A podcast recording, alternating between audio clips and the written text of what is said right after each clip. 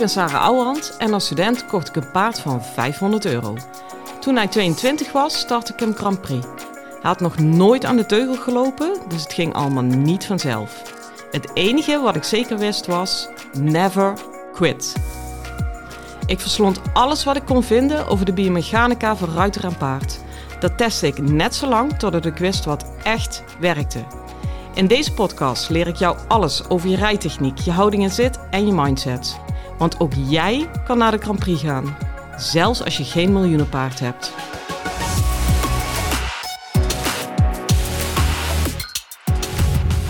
Hey lieve paardenmensen. Ik ga nou weg van Green Valley Estate. Ik ga nou door de main entrance heen. Uh, terug van mijn, uh, een van de dagen van mijn vierdaagse masterclass. Ja, het is. Ik dacht, ja, het begint zij weer met zo'n positief verhaal. Maar het is, jongens, het is. Uh, oh, ik weet niet meer gewoon wat ik erover moet zeggen. We hadden het erover als je zo de diepte ingaat met een groep. Dus je paard staat daar, je bent vier dagen bij mij, je wordt vier dagen door mij meegenomen. Niet alleen in je eigen les, je krijgt privéles, dus geen gezeik met groepjes in de baan. Je zit continu langs de kant. Ik neem jou continu mee als je aan de kant zit met wat doe ik in deze les, waarom? Wat heeft dat te maken met jouw eigen les? Hoe verhouden de deelnemers zich tot elkaar? Wat kun je van elkaar leren? Hoe zit die fucking dressuur in elkaar? Uh, ik heb er denk ik al zeker 15 gegeven. Zeker. En iedere keer opnieuw denk ik: fuck, ik was gewoon vergeten hoe gaaf dit is. Het is, ja, gisteren kwam ook een deelnemster naar me toe.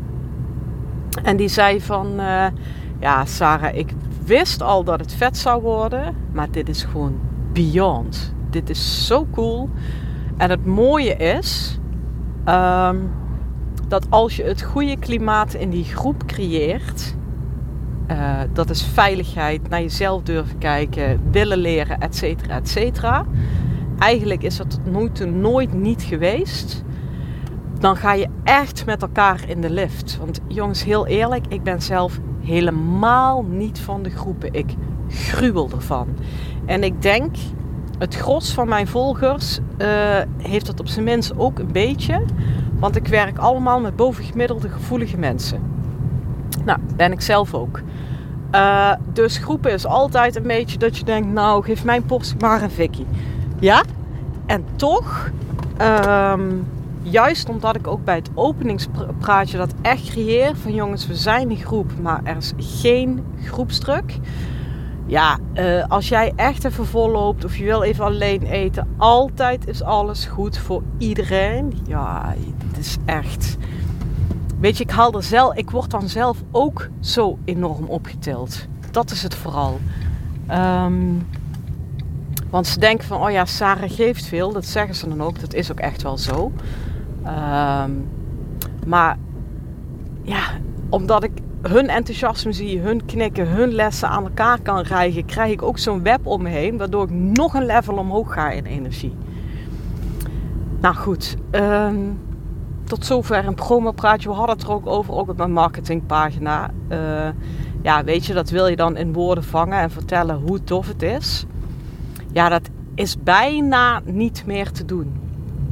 Um, omdat je het gewoon een keer mee moet maken. Nou is dat wel, kan dat wel echt is een enorm marketing trucje op uh, gevat worden. Dat is het natuurlijk niet.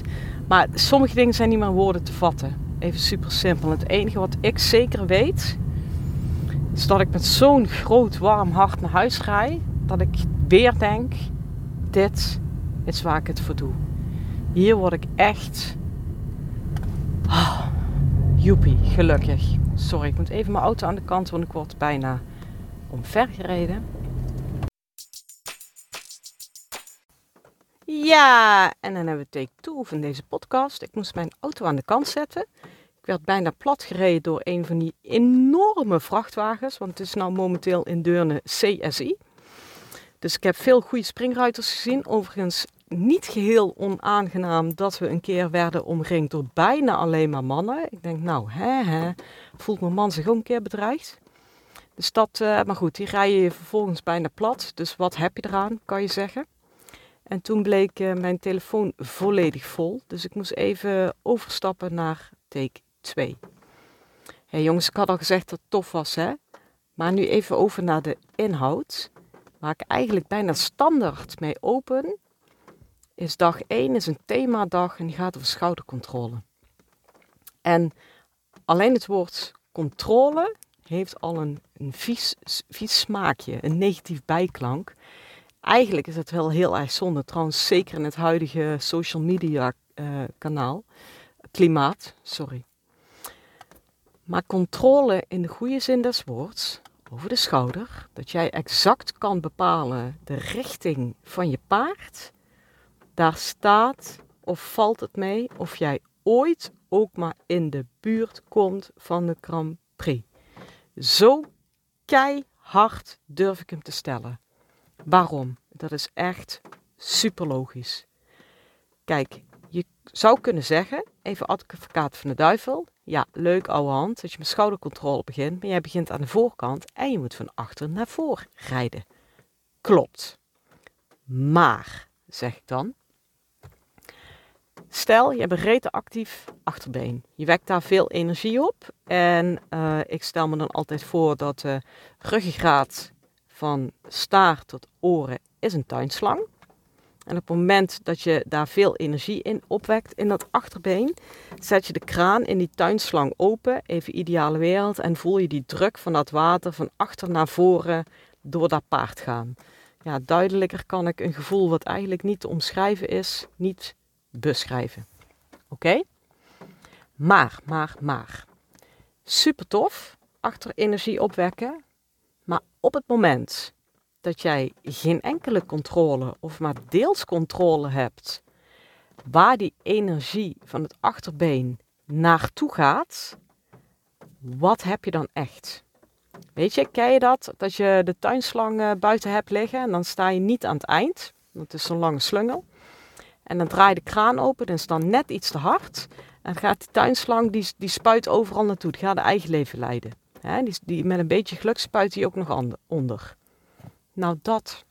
En als jij schoudercontrole hebt, heb jij die tuinslang vast.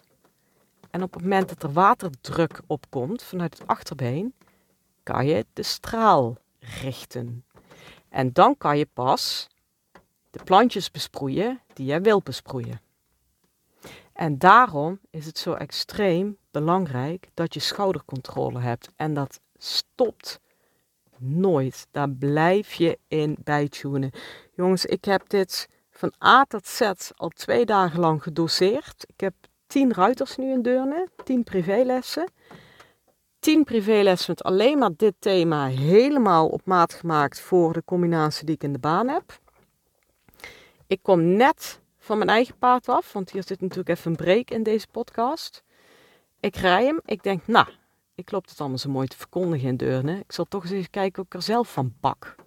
Je bent gewoon extra kritisch omdat je daar al twee dagen zelf vol in zit, hè. Toen dacht ik, non de ik laat zelf ook weer een stukje liggen. En dan ben ik er en rete geoefend in en ik doseer het uh, bij hoog en bij laag.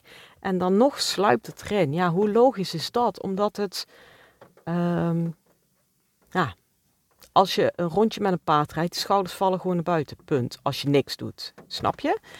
En je hebt genoeg om op te letten en bij te houden. Er loopt ook nog eens een stalgenoot langs. En één dingetje, laten we dat even niet vergeten. Ik ben natuurlijk stiekem best heel erg moe. Als ik tien privéles heb gegeven overdag. Ja, daar gaat mijn schoudercontrole. En omdat ik die schoudercontrole miste, met name op de korte zijde vandaag, kon ik niet goed halt houden. Want ik zeg wel dat die tuinslang, op het moment dat ik die kraan opendraai, dat ik die tuinslang wil kunnen richten om het juiste plantje water te kunnen geven. Maar dat werkt ook andersom. Als ik halt hou, is het eigenlijk dat ik tegen die slang zeg: Oké, dat water kan nu niet meer naar buiten, maar ik wil wel die druk naar voren hebben. En ik wil geen knik in de slang. Want alleen dan kan die op het achterbeen terechtkomen. Snap je? Dus het werkt echt, echt overal alle kanten op. Ja, en die knik in de slang, dat is natuurlijk het ergste geval van geen schoudercontrole hebben. Want dan stopt de energie gewoon. Dan, en dan krijg je het gevoel, uh, sommige Friesen kunnen je dat zo heerlijk geven, alsof je een slag in het wiel hebt. Dus kortom, ik ben daar continu mee bezig geweest. En hoe kan je schoudercontrole nou echt super goed checken? Ja, dat is eigenlijk heel simpel, maar bijna geen hond die het doet. Je rijdt op de lange zijde, gewoon lala.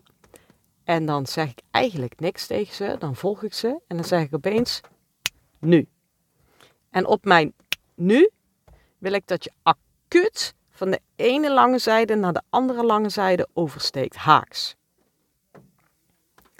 Nou, als je dat eens even invoelt van als je dat met je eigen paard zou doen, echt ja, bijna onvoorbereid haaks naar de overkant, van lange zijde naar lange zijde. Hoe dat gaat, dat geeft jou alle informatie over de vraag: heb ik schoudercontrole? En dan heb je natuurlijk gradaties. Sommigen maken er bijna een grote volte van. Uh, sommigen gaan op het eerste gezicht best wel haaks. Maar ik wil werkelijk geen enkele vertraging. Dat is 100% schoudercontrole. Gewoon bam, om. Dat betekent dus, als jij dat op het moment moet gaan regelen dat ik zeg nu, dan ben je te laat. Dat betekent dus dat je ook op de rechte lijn continu het gevoel moet hebben in je buitenbeen en binnen- of buitenteugel. Dat is een beetje discutabel, ligt een beetje aan je paard. Uh, dat je het in principe niet vraagt, maar als je nu vraagt om recht naar de overkant te gaan, dat je dat acuut geregeld kunt hebben. Met andere woorden, je houdt eigenlijk continu de buitenkant van je paard zacht voor je buitenbeen. Dat als daar een inwerking komt, dat er ook een acute reactie komt. Nou, dit klinkt super simpel, maar geloof mij nou, dit is echt een serieuze klus. En dan zie je dus, dat is helemaal interessant, op het moment dat je niet vlijmscherp haaks pats naar de overkant kan gaan, dan komt er dus een soort vertraging van ja, en ik ben er. Uh, alles wat die bocht of die, dat afwenden niet haaks, maar rond is, is dus eigenlijk net niet meegaan of weg zijn voor je buitenbeen. Maar jij weet, ik moet toch naar de overkant. En welk vriendje gaat jou dan helpen? Je binnenhand. Want die zegt dan: Oké, ik voel dat hij aan de buitenkant eigenlijk achterblijft. Dan gaat die binnenhand, of bewust of onbewust, of je het nou wil of niet, die gaat hem even meesleuren om het regelen. En daar begint de ellende, want dat blokkeert de impuls natuurlijk gruwelijk. Dus dan kun je een knetterheet achterbeen hebben. Als je hem niet pats om kunt zetten, moet je dus gaan werken met je binnenhand. Breekt die impuls bij het sturen dus altijd af. Snap je? Zeker bij de flegmatieke paden, zeker bij de minder getalenteerde paden. De echte heetbakkers, die hebben natuurlijk wat wisselgeld. Maar ja, dan krijg je natuurlijk als je niet 100% die schouders meteen in één klap haaks weg kan zetten. Uh, en je komt een keer met je binnenhand omdat je denkt, ja, ik moet wat, ik regel de boel maar. Ja, dan, die heetbakken, die voelen zich dan op dat moment uh, opgesloten. Ja, dan krijg je daar protest, of, of ze springen er doorheen, of staken, of wat dan al. Ik noem allemaal uiterst. Hè. Hier zijn natuurlijk gradaties in. Maar dat je dat heel goed gaat zien en nog meer gaat zien. En ja, dat is dus ook de kracht van de vierdaagse. Dat ik leg het één iemand uit en diegene, weet je, ik geef echt niet kinderachtig les. Aan het einde van die les denken ze, oké, I've got the point. Ik moet nog oefenen, maar ik snap het. En dan gaan ze aan de kant zitten en dan zien ze het nog bij drie anderen op, in verschillende varianten. En dan krijg je toch echt van, oké, ik dacht dat ik het snap. Maar met drie andere voorbeelden erbij, waar ik eigenlijk naar kijk zonder dat ik zelf even hoef te rijden. Dus dat is een andere manier van leren. Snap ik het nog beter. En ook dat vind ik zo kick-ass van zo'n vierdaagse. Want dit is echt niet de eerste keer dat ik dit uitleg. Dit is ook echt niet de eerste keer dat ik dit soort dingen met een groep doe. En ik zie nu bij deze nieuwe paarden het effect weer en hoe die ruiters groeien en hoe makkelijk het rijden ervan wordt uiteindelijk.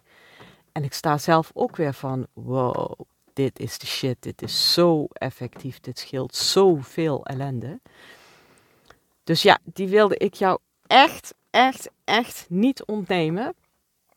Uh, ik zou zeggen, als je straks bent aan het rijden of wanneer je dan ook gaat rijden, probeer dit eens een keer. Dit kan je ook in de glop doen. Nou, dan moet je al, ik zou dat eerst in ja, stap het draf goed bevestigd hebben. En als je gewoon wat handiger bent, doe het vooral ook in de galop. Maar met name in de galop blijft die buitenkant een beetje achter in die bocht. Dus dat is nog interessanter. Je moet je alleen even realiseren, als je dit in galop doet, dan hebben we het stiekem eigenlijk bijna over de kwart pirouette. Uh, dat geeft niks, want voor mij je een hele pirouette. Alleen moet je even er rekening mee houden of je paard daar sterk genoeg voor is. Maar dan kun je hem beter eerst sterk maken in het achterbeen via de stap en de draf. Dan halfslachtig wenden in de galop, want daar wordt hij zeker niet beter van. En uh, wat ook trouwens heel erg mooi was, ik had één deelnemster. Ja, die heeft gewoon echt een heel leuk paard. En, en die was zo leuk in het knutselen, dat is Victoria. En die deed dit in de galop, want daar was ze al handig zat voor. Dus die doet dat opeens. Ja, en dat paard komt natuurlijk gruwelijk op de achterbeen door die haakse wending. En ze deed vijf, zes keer deed dat heel erg goed. En op een gegeven moment zei ik, de, ik zeg, hey, want zij uh, is echt wel een hele leuke ruiter, maar heeft gewoon nog nooit echt hoog gereden. En op een gegeven moment zei ik tegen haar van, hey, je rijdt gewoon een kwart pirouette. Ja, en ik noem dat woord. Ze schrikt gewoon van het woord en ze bakte daarna helemaal niks van. Dus pas op met denken, oeh, nu ga ik een kwart pirouette draaien, want ineens gaat iedereen moeilijk doen. Terwijl als ik zeg, ga haaks naar de overkant, kom je een heel eind. Snap je? Dat is ook echt weer keiharde mindfuck, hè? Jongens, ik uh, ga lekker met mijn pootjes op de tafel. Ik heb morgen weer een dag en dan ga ik een workshop zonder paard geven. Minstens net zo waardevol. Dan spreek ik jullie ook weer. En wat ik ook even doe, als je interesse in deze dagen hebt, ik zet even in de show notes de link naar de informatiepagina. Dan kan je even kijken of het iets voor je is. En als je vragen hebt, weet me dan vooral te vinden. Jongens, ik wens je een hele fijne dag en veel plezier met je paard. Hoi!